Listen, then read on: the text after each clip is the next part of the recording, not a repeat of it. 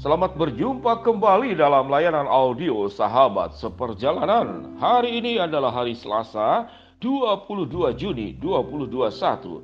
Tema renungan dan saat teduh kita dengan judul Idealis apakah dosa? Idealis apakah dosa?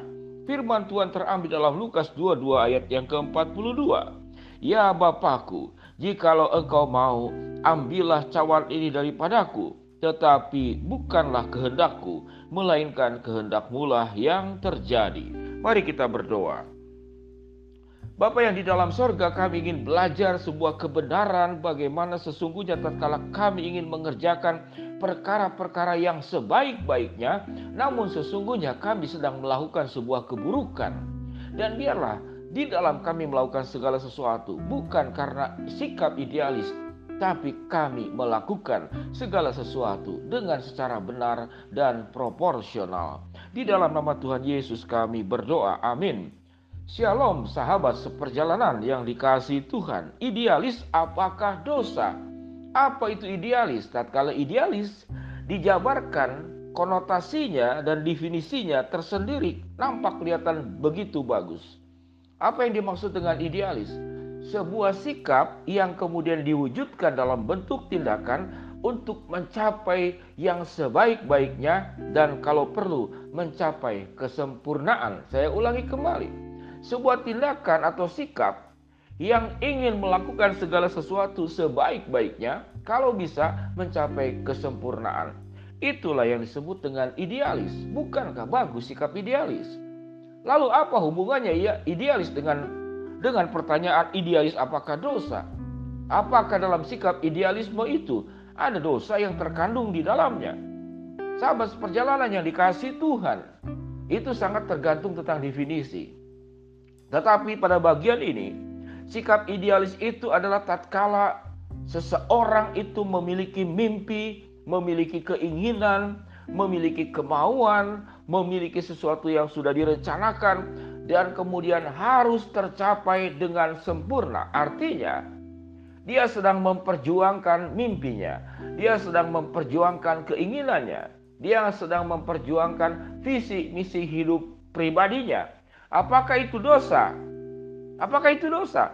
Dia akan menjadi dosa tatkala hanya berdiri sendiri. Hanya untuk dirinya sendiri. Mengapa demikian? Karena hidup kita tidak sendiri. Kiri kanan kita ada manusia, kita ada keluarga, kita ada teman, kita ada sahabat, kita punya tetangga. Tatkala setiap orang itu kemudian memperjuangkan idealismenya sendiri yang terjadi kekacauan di dalam dunia. Mari kita berandai-andai. Misalkan ada 10 hektar tanah dan di dalam 10 hektar tanah itu ada 10 orang dan 10 orang punya idealisme tentang tanah itu. Yang pertama, dia akan menjadikan tanahnya sebagai tempat pertanian.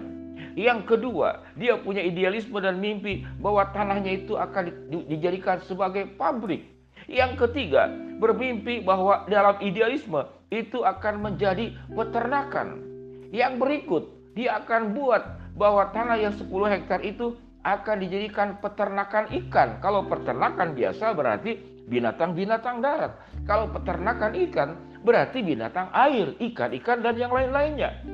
Tatkala setiap orang kemudian memaksakan idealismenya untuk tanah 10 hektar, pertanyaannya sahabat seperjalanan, akan terjadi kekacauan akan atau akan terjadi kebaikan? Pasti akan terjadi kekacauan.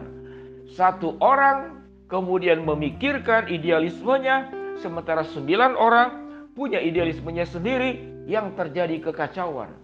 Sehingga idealisme tidak boleh berdiri sendiri. Idealisme itu harus di dalam kebenaran dan idealisme itu harus juga mempertimbangkan ada idealisme-idealisme orang lain yang perlu kita berbagi di dalamnya karena hidup kita tidak sendiri. Yang cukup menarik, Yesus berkata, "Kalau boleh ya Bapak, cawan ini lalu daripadaku." Jadi, secara kemanusiaan Kristus kalau boleh dia tidak disalib. Namun kemudian Yesus mengucapkan kata, tetapi janganlah kehendakku yang jadi, melainkan kehendakmu lah yang terjadi. Sahabat seperjalanan yang dikasih Tuhan. Bagian ini jelas sekali bahwa Yesus menjalankan yang yang namanya itu visinya Allah. Kehendak Bapa. Sekalipun Yesus memang Allah, bagian daripada Allah Tritunggal dan dia diri dirinya Allah dan dia adalah Tuhan. Namun percakapan-percakapan antara Allah Bapa dan Allah Anak untuk menggambarkan betapa dalamnya kasih Allah kepada kita dan betapa luar biasanya pengorbanan Kristus untuk kita. Dan Yesus memilih bagaimana? Biarlah kehendakmu yang jadi dan bukan kehendakku. Di dalam kehidupan ini, idealisme yang terbaik adalah idealisme di dalam kebenaran. Tatkala engkau idealisme di dalam kebenaran, maka engkau memikirkan kebaikan dirimu, engkau juga memikirkan kebaikan orang lain, engkau juga memikirkan yang paling utama, bagaimana hidupmu itu memuliakan Bapa yang di surga. Sahabat seperjalanan yang dikasih Tuhan. Mari kita ingat-ingat dengan tentang cerita tadi tentang 10 hektar tanah di mana ada 10 orang lalu memaksakan idealisme masing-masing yang terjadi kekacauan. Bagaimana dengan rumah tangga? Rumah tangga juga sama. Bahwa idealisme yang terbaik adalah dalam keseimbangan. Apa itu dalam keseimbangan? Engkau punya mimpi, engkau punya minat, tapi orang lain juga punya mimpi, punya minat. Maka di sinilah perlu kerjasama, perlu tenggang rasa, perlu mencari jalan tengah, perlu win-win solution karena hidupmu tidak sendiri. Tidak dengan manusia saja, engkau dengan alam, engkau tidak sendiri. Engkau harus bersahabat dengan alam, tidak boleh main tebang pohon, nanti erosi, gundul hutan, dan tentu mencelakakan kedua belah pihak. Artinya idealisme yang terbaik tidak bisa berdiri sendiri harus di dalam kebenaran dan juga engkau menjadi punya idealisme yang seimbang. Mengapa demikian? Karena orang lain punya idealisme juga masing-masing. Perlu memikirkan kebaikan orang lain, kebaikan dirimu, dan kebaikan bersama. Contoh sederhana, seorang ibu rumah tangga yang sangat menjaga kerapihan dan kebersihan rumah. Sampai kemudian pintu itu dilap berkali-kali. Semuanya harus bersih, tertata rapi, Barang itu harus di tempatnya. Kalau pijit pasta gigi itu ada tekniknya, ada caranya. Kalau kemudian memasukkan tali sepatu itu harus seperti itu, tidak boleh diubah-ubah. Bayangkan sahabat seperjalanan, apakah anggota keluarga yang lain apakah tidak punya kebiasaan yang lain? Apakah nyaman tinggal di dalam rumah tatkala satu idealisme itu dipaksakan terjadi kepada orang lain? Kalau engkau tidur pagi, orang harus ikut tidur pagi. Saya dengan istri punya pola tidur berbeda. Saya jam 9 bisa tidur, tapi bangun itu kira-kira jam 2. Kalau jam 10 tidur, bangun jam 3. Sementara istri saya tidur itu larut malam. Dan bangun itu lebih siang dari saya. Jam 6, jam 7 dia bangun, tapi tidurnya larut malam. Saya tidur lebih pagi.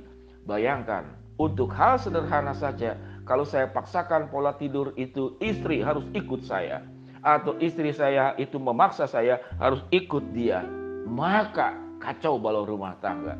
Masyarakat akan kacau balau bertetangga akan kacau balau di jalanan akan kacau balau segala sesuatu akan kacau balau jadi pada akhirnya sahabat seperjalanan idealis apakah dosa menjadi dosa tatkala idealisme itu hanya untuk dirimu sendiri kepentinganmu untuk keuntunganmu, untuk mimpimu. Ingat, orang lain punya mimpi, orang lain punya kepentingan, orang lain punya keperluan, dan yang paling utama, biarlah idealisme itu di dalam Tuhan. Bagaimana engkau hidup di dalam idealisme yang benar sesuai dengan kehendak Tuhan, sebagaimana Yesus berkata, "Biarlah kehendakmu yang jadi dan bukan kehendakku." Mari kita berdoa. Bapak yang di dalam sorga ya Tuhan hambamu berdoa sedemikian banyak yang terkena COVID-19. Di mana pun tempatnya ya Tuhan di berbagai kota yang ada di Indonesia ini. Tuhan jamah Tuhan sembuhkan. Ada yang di ICU, paru-paru sudah 75% memutih. Saya kurang tahu apa artinya memutih. Namun itulah keadaan yang ada. Ya Tuhan engkau jamah sembuhkan. Berdoa ya Tuhan untuk yang sakit asma untuk sahabat seperjalanan yang kakinya terkena beban timpaan benda berat sampai harus dioperasi. Tuhan juga berkati dan sembuhkan untuk jemaat yang sedang sudah mengalami operasi katarak. Biarlah Tuhan juga akan pulihkan dan segala sesuatu penyakit dan kebutuhan kami, persoalan kami, Tuhan yang akan memimpin dan menolong. Di dalam nama Tuhan Yesus kami berdoa. Amin. Shalom sahabat seperjalanan yang dikasih Tuhan. Idealis apakah dosa? Idealisme ibu harus di dalam kebenaran. Shalom Tuhan berkati semua. Amin.